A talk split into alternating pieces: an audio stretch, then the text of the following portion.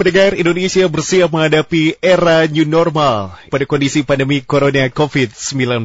Meski angka kasus positif ini belum juga melandai. New normal ataupun kenormalan baru ini istilah yang merujuk ke pola hidup baru di situasi pandemi virus corona jenis baru ini. Pola hidup baru maksudnya masyarakat menerapkan protokol kesehatan berupa rajin mencuci tangan, terus juga menggunakan masker, jaga jarak, dan lain sebagainya. Yang sering kali kita dengar bahwa protokol COVID-19 tentunya akan terus dilakukan. Selengkapnya sudah terhubung bersama APT H. Muhammad Nur Abdillah MSI selaku dosen farmasi, apoteker, Nutrafarm, aktivis dan local enablers yang juga tentunya sudah bergabung bersama kami di Fit for Life. Baik, Pak Muhammad Nur Abdillah.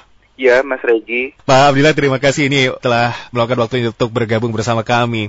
Apa kabar, Pak Abdillah? Sehat ya? Alhamdulillah, Mas Regi. Lagi di mana ini? Di rumah seperti biasa. Oh, jadi aktivitasnya di rumah begitu ya? Ya, sebagian besar sekarang aktivitasnya di rumah. Hmm, hmm, hmm. Jadi mengikuti anjuran dari pemerintah begitu untuk tetap berada di rumah. Tapi sesaat lagi atau mungkin beberapa waktu ke depan akan diberlakukan tatanan kehidupan baru ataupun new normal. Pak Abdillah ini mengenai hal ini juga akan kita informasikan kepada pendengar ya.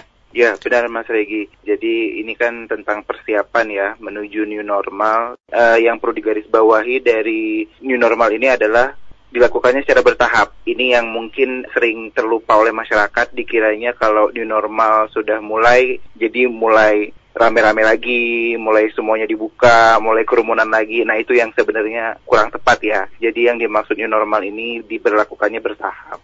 Baik, jadi ada tahapan-tahapan yang akan dilewati atau mungkin yang dilakukan. New normal ini apakah hanya di Indonesia saja atau sudah ada beberapa negara juga yang tentunya dengan kondisi seperti ini melakukan hal yang sama?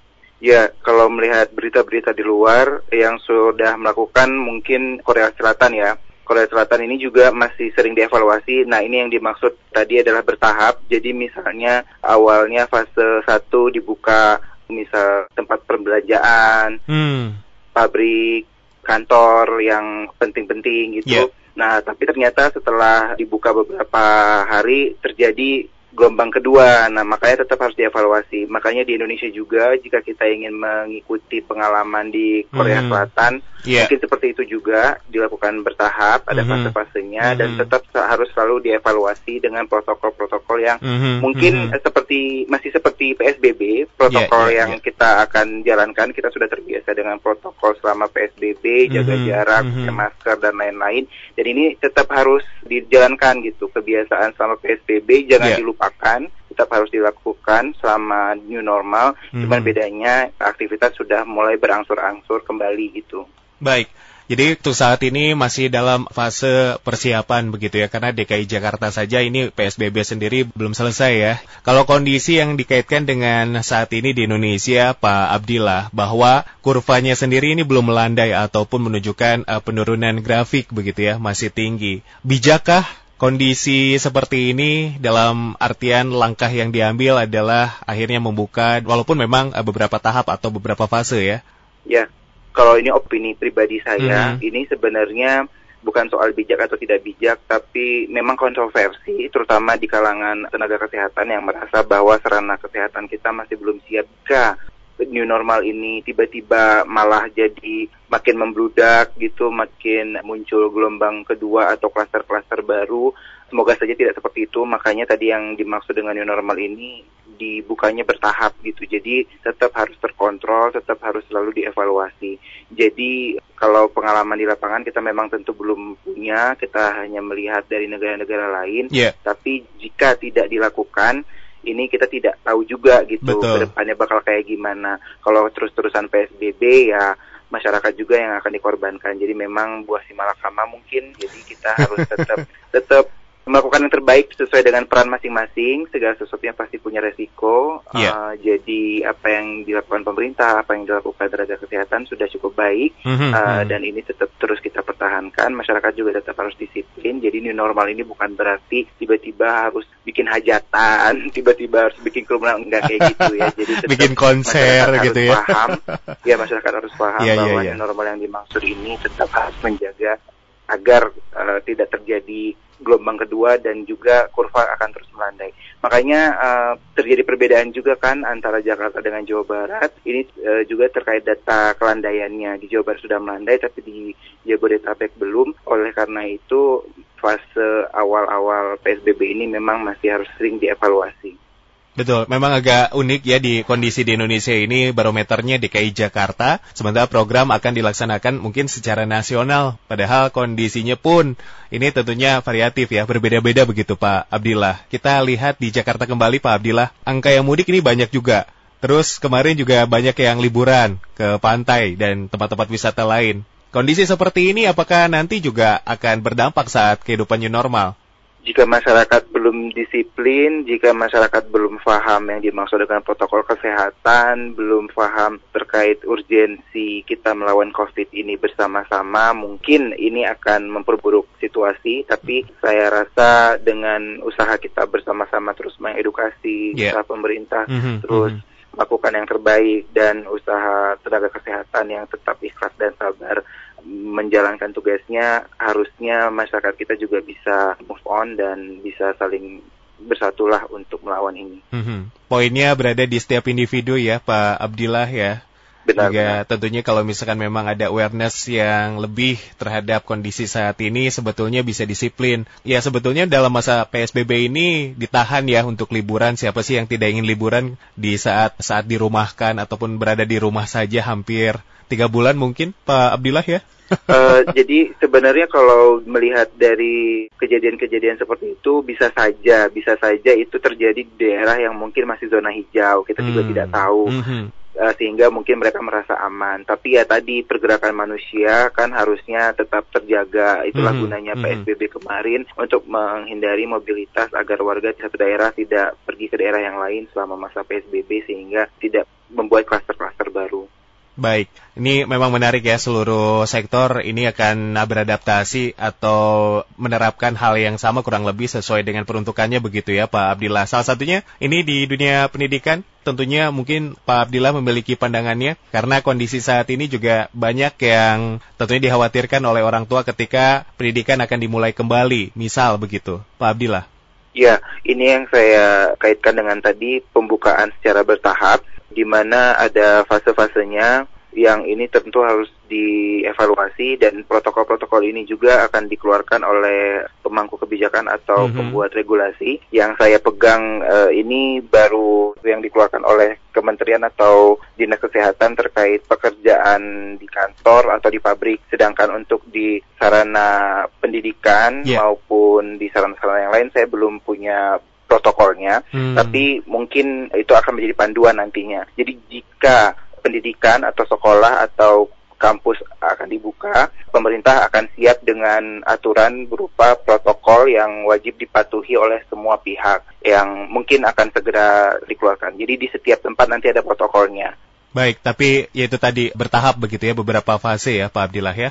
Ya, jadi memang ini menjadi kekhawatiran bagi orang tua karena eh, anak-anak uh, juga merupakan kelompok yang rentan dan yeah. juga bisa saja menjadi karier atau penular yang OTG misalnya. Mm -hmm. uh, tapi ya tadi dengan harapan new normal ini dilakukan secara bertahap dan nanti protokol dikeluarkan, kita semuanya mengikuti semoga saja uh, yang kita khawatirkan tidak terjadi. Nah, sepertinya sih setiap sektor nanti akan keluar protokolnya ya. Kalau yang saya lihat baru saya pegang ini datanya protokol terkait pekerjaan di kantor, di pabrik, dan di sarana umum seperti mm -hmm, di mhm. pusat-pusat keramaian seperti di mall atau pusat yeah. perbelanjaan. Mm -hmm.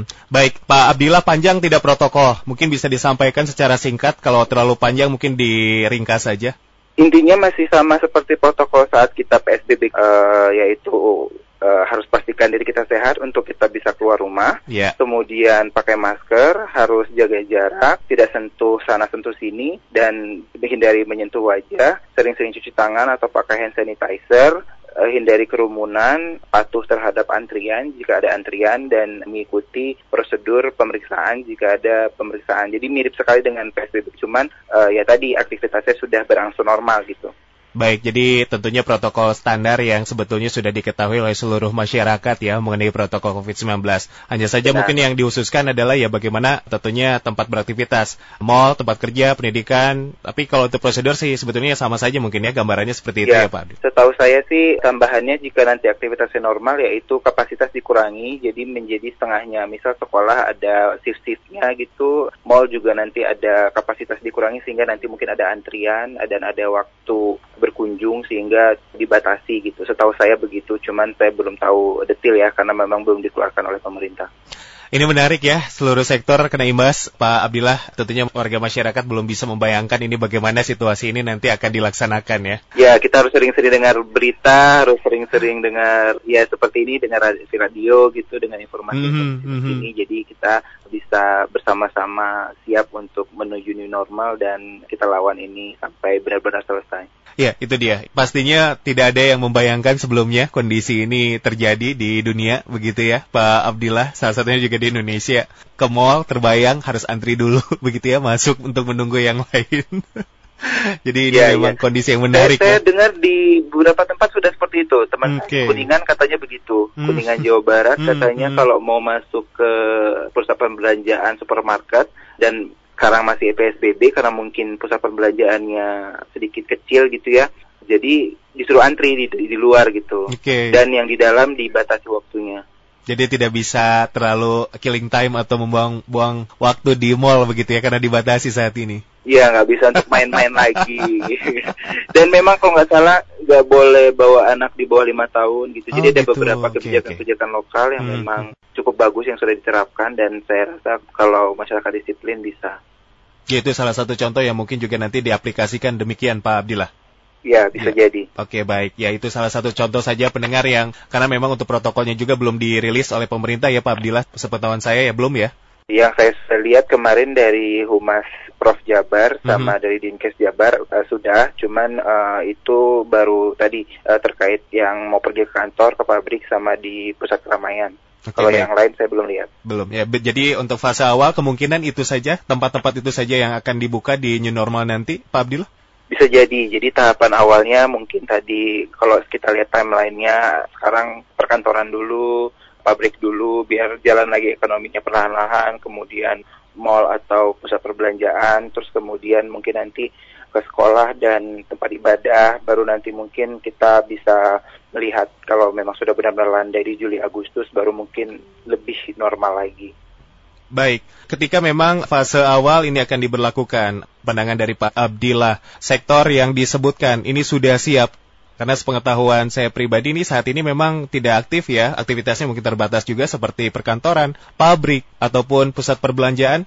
Kalau opini saya pribadi sih harusnya mungkin ada sosialisasi dan uh, ada seperti uji coba ya. Nah, Jadi iya, iya. supaya lebih mudah terkontrol dan betul, lebih, betul. lebih mudah dievaluasi jadi mm -hmm. ini mm-hmm. balik lagi kepada kebijakan dan mungkin pelaksana teknis di lapangan mm -hmm. seperti mm-hmm. apa. Mm -hmm. Tapi kalau opini dan pendapat saya baiknya disosialisasikan dengan benar, kemudian eh, diuji coba sehingga tidak tadi tahapan itu bisa berjalan mulus sehingga tidak langsung tiba-tiba naik lagi kurvanya gitu. Baik. Pak Abdillah, kalau memang fase awal yang paling rentan sih kalau dilihat dari misalkan perkantoran, pabrik, ini kan lebih ke internal, karyawan. Berbeda dengan pusat perbelanjaan yang lebih umum, tempat umum begitu demikian. Ini lebih dikhawatirkan kalau misal ya pandangan dari Pak Abdillah, ini bisa terjadi ketidakdisiplinan ini pasti terjadi di pusat perbelanjaan. Ini harus seketat apa penanganan ataupun mungkin pengamatan dari aparat setempat? Ya tadi uh, lebih ke pihak manajemen pengelola harus disiplin terhadap protokol yang mungkin mereka juga siapkan. Saya juga jujur belum terbayang bakal seperti apa. Memang uh, kita sebagai masyarakat harus wait and see sehingga tadi kalau benar-benar tidak terlalu urgent mungkin masih seperti biasa kita stay at home di rumah saja uh, mungkin yang sehat saja yang boleh keluar gitu yang mengunjungi pusat perbelanjaan hindari membawa anak-anak apalagi lansia dan tadi tetap terapkan protokol kesehatan saat balik dari pusat keramaian tersebut kita langsung mandi, langsung cuci tangan, ganti baju, jangan ketemu sama orang-orang rumah dulu, yang seperti itu. Jadi untuk sementara awal-awal kita sebagai masyarakat mungkin masih wait and see, jadi yang sehat aja lah yang keluar dulu gitu. Dan yang berkepentingan ya. Benar. Jangan sampai akhirnya hanya iseng, hanya nongkrong atau mungkin karena ya, bosan. Ya, mentang-mentang mall udah buka, Iya, bawa iya, iya, anak, iya. bawa Betul, betul. kakek nenek gitu main-main lagi itu belum lah kayaknya, belum Iya. sampai ke situ. Eh, saya pribadi mengerti ya kondisi saat ini mungkin sudah jenuh, sudah bosan ya Pak Abdillah ya. Namun tentunya mudah-mudahan ini bukan menjadikan eh, satu kesempatan, malah jadinya nanti akan jadi bumerang ya untuk keluarga misalkan terinfeksi dan lain sebagainya. Itu yang tidak diharapkan. Jadi tetap harus yang berkepentingan, sangat berkepentingan, lebih baik tetap berarti mengingatkan di rumah saja juga ini terus disampaikan ya Pak Abdillah. Ya, ya. Dan lalu Jadi memang Mhm. benar-benar berkepentingan aja. Kalau memang masih bisa work from home kan mungkin sekarang fase new normal ini bukan berarti kita balik lagi ke keadaan sebelum pandemi. Siapa tahu memang eh, bisnis atau perusahaan kita atau kegiatan kita sehari-hari juga sudah mulai berubah di mana sudah banyak online, sudah banyak work from home seperti saya ini gitu. Jadi mungkin saya juga akan mengurangi aktivitas di luar. Walaupun sudah new normal, tapi kalau memang saya bisa kerja dari rumah, kenapa enggak gitu? Oke, baik ya. Kalaupun masyarakat yang ingin keluar saling ini ya, saling disiplin, menghargai satu sama lain, jangan sampai keluar tidak menggunakan masker dan yang sakit berkeliaran begitu ya. Jadi Amin, iya. memang ini setiap individu, kesadaran individu penting sekali ditanamkan karena kalau ada satu yang bandel ini pasti membuat tidak nyaman ini di lingkungan sekitar. Betul Pak Abdillah. ya kita eh, hargai dan kita hormati eh, perjuangan para tenaga kesehatan yang sudah selama ini eh, cukup lelah ya udah dua bulan mereka menghadapi pandemi yang puncak-puncaknya kemarin jangan sampai muncul puncak-puncak di gelombang kedua lagi gitu. Baik, terima kasih Pak Abdillah pandangannya juga tentunya harapan itu hanya menjadi perhatian bahwa mewarning masyarakat yang bandel-bandel. Saya selalu mengingatkan kepada pendengar yang bandel ya yang kadang tidak mempedulikan lingkungan sekitar dengan seenaknya ya ke tempat umum, tidak menggunakan masker padahal sudah sangat jelas himbauan dan peraturannya saat ini memang harus menjalankan protokol COVID-19. Pak Abdillah, ya. Ya Mas Fegi, saya setuju tuh. Jadi memang kita semua harus saling mengingatkan lah. Ya, kalau masyarakatnya ya ada peraturan pada dilanggar sih susah. Ya ini yang mau ini yang kemarin udah lolos mudik ini mungkin bakal balik nih. Nah ini yang mungkin tadi kita harus selalu mengingatkan eh, bahwa kita eh, punya tanggung jawab sosial ya. Kita harus harmonis lah ses- sesama manusia, harmonis dengan lingkungan, harmonis dengan eh, masyarakat. Di mana kalau memang kita menyebabkan kebahayaan bagi orang lain jangan sampai Ya, ini yang saya turutkan juga. Sudah dihimbau untuk tidak mudik. Mendekati hari lebaran kemarin ini kan hampir ratusan ribu mobil keluar begitu ya dari Jakarta atau mungkin Jawa Barat ke kampung halamannya. Dan ini sudah mungkin masuk ke fase atau ke arus balik ya. Walaupun memang aparat Iya. kepolisian sedang bertugas luar biasa begitu ya untuk menjaga. Tapi tetap ini yang ditakutkan adalah yang lolos ya, Pak Abdillah. ya. Mudah-mudahan tentunya tidak ada efeknya. Kita lihat sampai akhir pekan ini ya. Kita juga tentunya mudah-mudahan berharap bahwa tidak ada lagi uh, kenaikan kurva ataupun peningkatan dalam grafik COVID-19. Baik, Pak Abdillah kita lanjut ke pertanyaan dari pendengar, interaksi dari pendengar yang sudah bergabung bersama kami. Ada Bapak Galih di Sadang Serang. Tanggapan Bapak ini mengenai pasar tradisional yang mungkin menjadi PR besar. Nih, Pak Abdillah juga tahu ya, sebelum lebaran kemarin viral Iya, iya. beberapa pusat perbelanjaan yang ramai yang tidak ada physical distancing, ada juga yang tidak menggunakan masker. Ya, eh, pengalaman pribadi saya, saya juga masih ke pasar, terutama pasar tradisional. Cuman di lokasi saya kebetulan memang pasar tradisionalnya sudah cukup sepi, sehingga mungkin masih bisa menerapkan protokol kesehatan tadi. Tapi kalau di tempat lain mungkin saya eh, tidak tahu karena saya tidak sampai ke sana. Eh, ini memang eh, menjadi PR dan bisa saja menimbulkan kluster-kluster baru. Tapi biasanya yang datang berbelanja ke pasar tradisional tersebut eh, orangnya mungkin itu itu lagi ya. Jadi maksudnya masyarakat sekitar yang memang sudah biasa belanja ke situ, mungkin dengan kontak tracing, eh, jika pun ter- terdapat kasus positif bisa di cluster gitu. Cuman kalau dari kedisiplinan, setahu saya mungkin pengelola pasar eh, yang harus eh, harus lebih lebih menerapkan lagi gitu, mengingatkan kepada eh, pengunjung, mengingatkan kepada pedagang bahwa eh, minimal masker, jaga jarak dan sering cuci tangan. Kalau di pasar tradisional dekat tempat saya ini tempat cuci tangannya udah banyak, semuanya pada pakai masker Hmm. dan penjaga keamanan pasar tradisional juga ada ya, dia juga selalu ingatin gitu. Jadi mungkin lebih ke bagaimana manajemen pengelolaan pasarnya juga Mhm, uh, mhm. aktif menghadapi ini gitu. Nyaman ya kalau misalkan memang prosedur-prosedur tersebut ini dijalankan dengan benar ya. Jadi Mungkin kalau nyaman karena masih terkontrol ya, yeah, karena yeah. jumlah yang datang juga sedikit. Kalau di pasar tradisional yang tiba-tiba rame, nah itu yang mungkin dikhawatirkan tadi ya, apakah bisa diterapkan antrian apa gitu. Iya, iya, iya. Saya juga uh, cukup khawatir itu yang mungkin manajemen juga nanti tiba-tiba kewalahan gitu. Nah ini yang saya juga belum kebayang, uh, makanya masyarakat dihimbau walaupun sudah menuju new normal, new normalnya udah benar-benar new gitu, baru gitu. Normalnya bukan normal seperti sebelum pandemi gitu. Hmm, Jadi hmm, hmm. sebisa mungkin hindari keramaian, apa pun kebutuhannya, apa pun urgensinya uh, harus perhatikan protokol kesehatan. Baik, itu dia yang disampaikan Bapak Abdillah pendengar bahwa sekali lagi ya tentunya tetap penerapan protokol COVID-19 ini dilakukan walaupun memang kondisinya nanti sudah tidak ada lagi PSBB tapi ke ketatanan kehidupan baru dan semua butuh adaptasi. Kalau misalkan memang Anda belum disiplin, yuk belajar atau sama-sama kita juga mengingatkan ketika ada saudara ataupun kerabat yang memang agak sedikit bandel juga Pak Abdillah karena memang harus diingatkan ya dalam hal tersebut. Iya. Ada Ibu Meina di Cilenyi. Ini boleh diinformasikan mengenai pendidikan, terutama untuk penerimaan siswa dan mahasiswa baru. Baik Pak Abdillah, mengetahui dalam hal ini, silakan.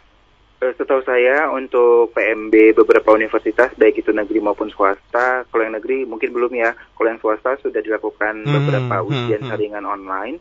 Kalau untuk siswa sekolah itu saya belum tahu karena saya belum lihat info dari humas uh, dinas pendidikan atau yang lain, tapi mungkin juga sama akan ada protokol khusus untuk penerimaan. Kalau uh, untuk tadi apakah bisa langsung uh, mulai sekolah lagi atau enggak ya tadi kita lihat dulu uh, kesiapan dan bagaimana pemerintah merumuskan protokol ini. Saya juga belum belum dapat data lagi nih. Tadi belum sempat searching-searching terkait dunia pendidikan. Dan memang ini jadi pembahasan yang biasanya ibu-ibu begitu ya Pak Abdillah. Iya benar, ini menjadi Bingung, ya? tersendiri. Apalagi misalnya anaknya mau masuk sekolah baru gitu ya, yang naik betul, betul. tingkat dari SD ke SMP, dari SMP ke SMA, ini nanti penerimaannya kayak gimana? Tahun hmm, lalu hmm, saja hmm, hmm. dengan yeah, yeah. prosedur baru sebelum ada COVID ini aja lumayan gitu ya, hmm, hmm.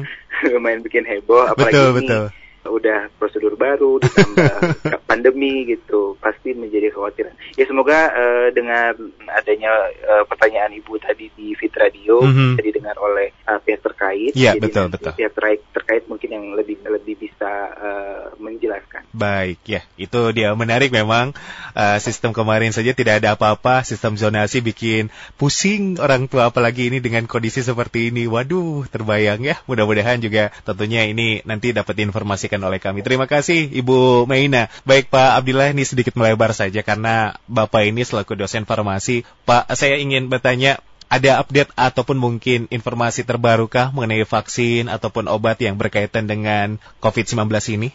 Ya, kalau terkait vaksin, uh, harusnya setiap negara sekarang sudah mulai melakukan riset mm -hmm, terkait mhm. pengembangan mm -hmm. vaksin, mm -hmm. sehingga uh, bisa secara mandiri, tidak perlu bergantung pada vaksin luar. Yeah. Ya. Uh, Indonesia, setahu saya, punya lembaga Eijkman yang bisa meriset untuk mm -hmm. vaksin baru dan nanti mungkin produksinya bisa dilakukan di Bio Farma. Mm -hmm. Cuman memang waktu tidak bisa segera, mungkin tahun depan atau uh, atau akhir tahun depan baru sudah ada mm-hmm. terkait pengobatan belum ada juga pengobatan yang spesifik karena memang gejala COVID-19 ini cukup beragam sehingga biasanya dokter atau tenaga medis baik itu spesialis di rumah sakit biasanya menangani atau mengobati pasien berdasarkan gejala yang muncul gitu. Jadi misal gejalanya uh, di saluran pernafasan maka yang dilakukan treatment terkait perawatan saluran pernafasan atau pengobatan terkait gejala yang muncul di saluran pernafasan. Jadi belum ada pengobatan yang spesifik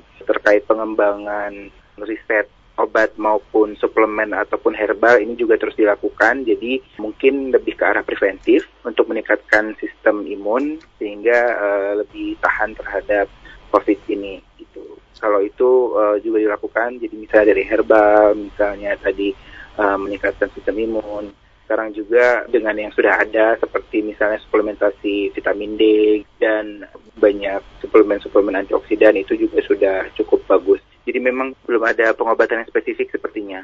Baik, terima kasih Pak Abdillah informasi mengenai hal itu. Dan uh, selanjutnya Pak Abdillah berkenan untuk menyampaikan dukungan kepada tenaga kesehatan, kepada pasien COVID-19 atau seluruh masyarakat yang terdampak COVID-19 ini. Silakan. Ya, mari kita dukung upaya seluruh pihak untuk melawan ini. Kita melawan COVID-19 ini bersama-sama.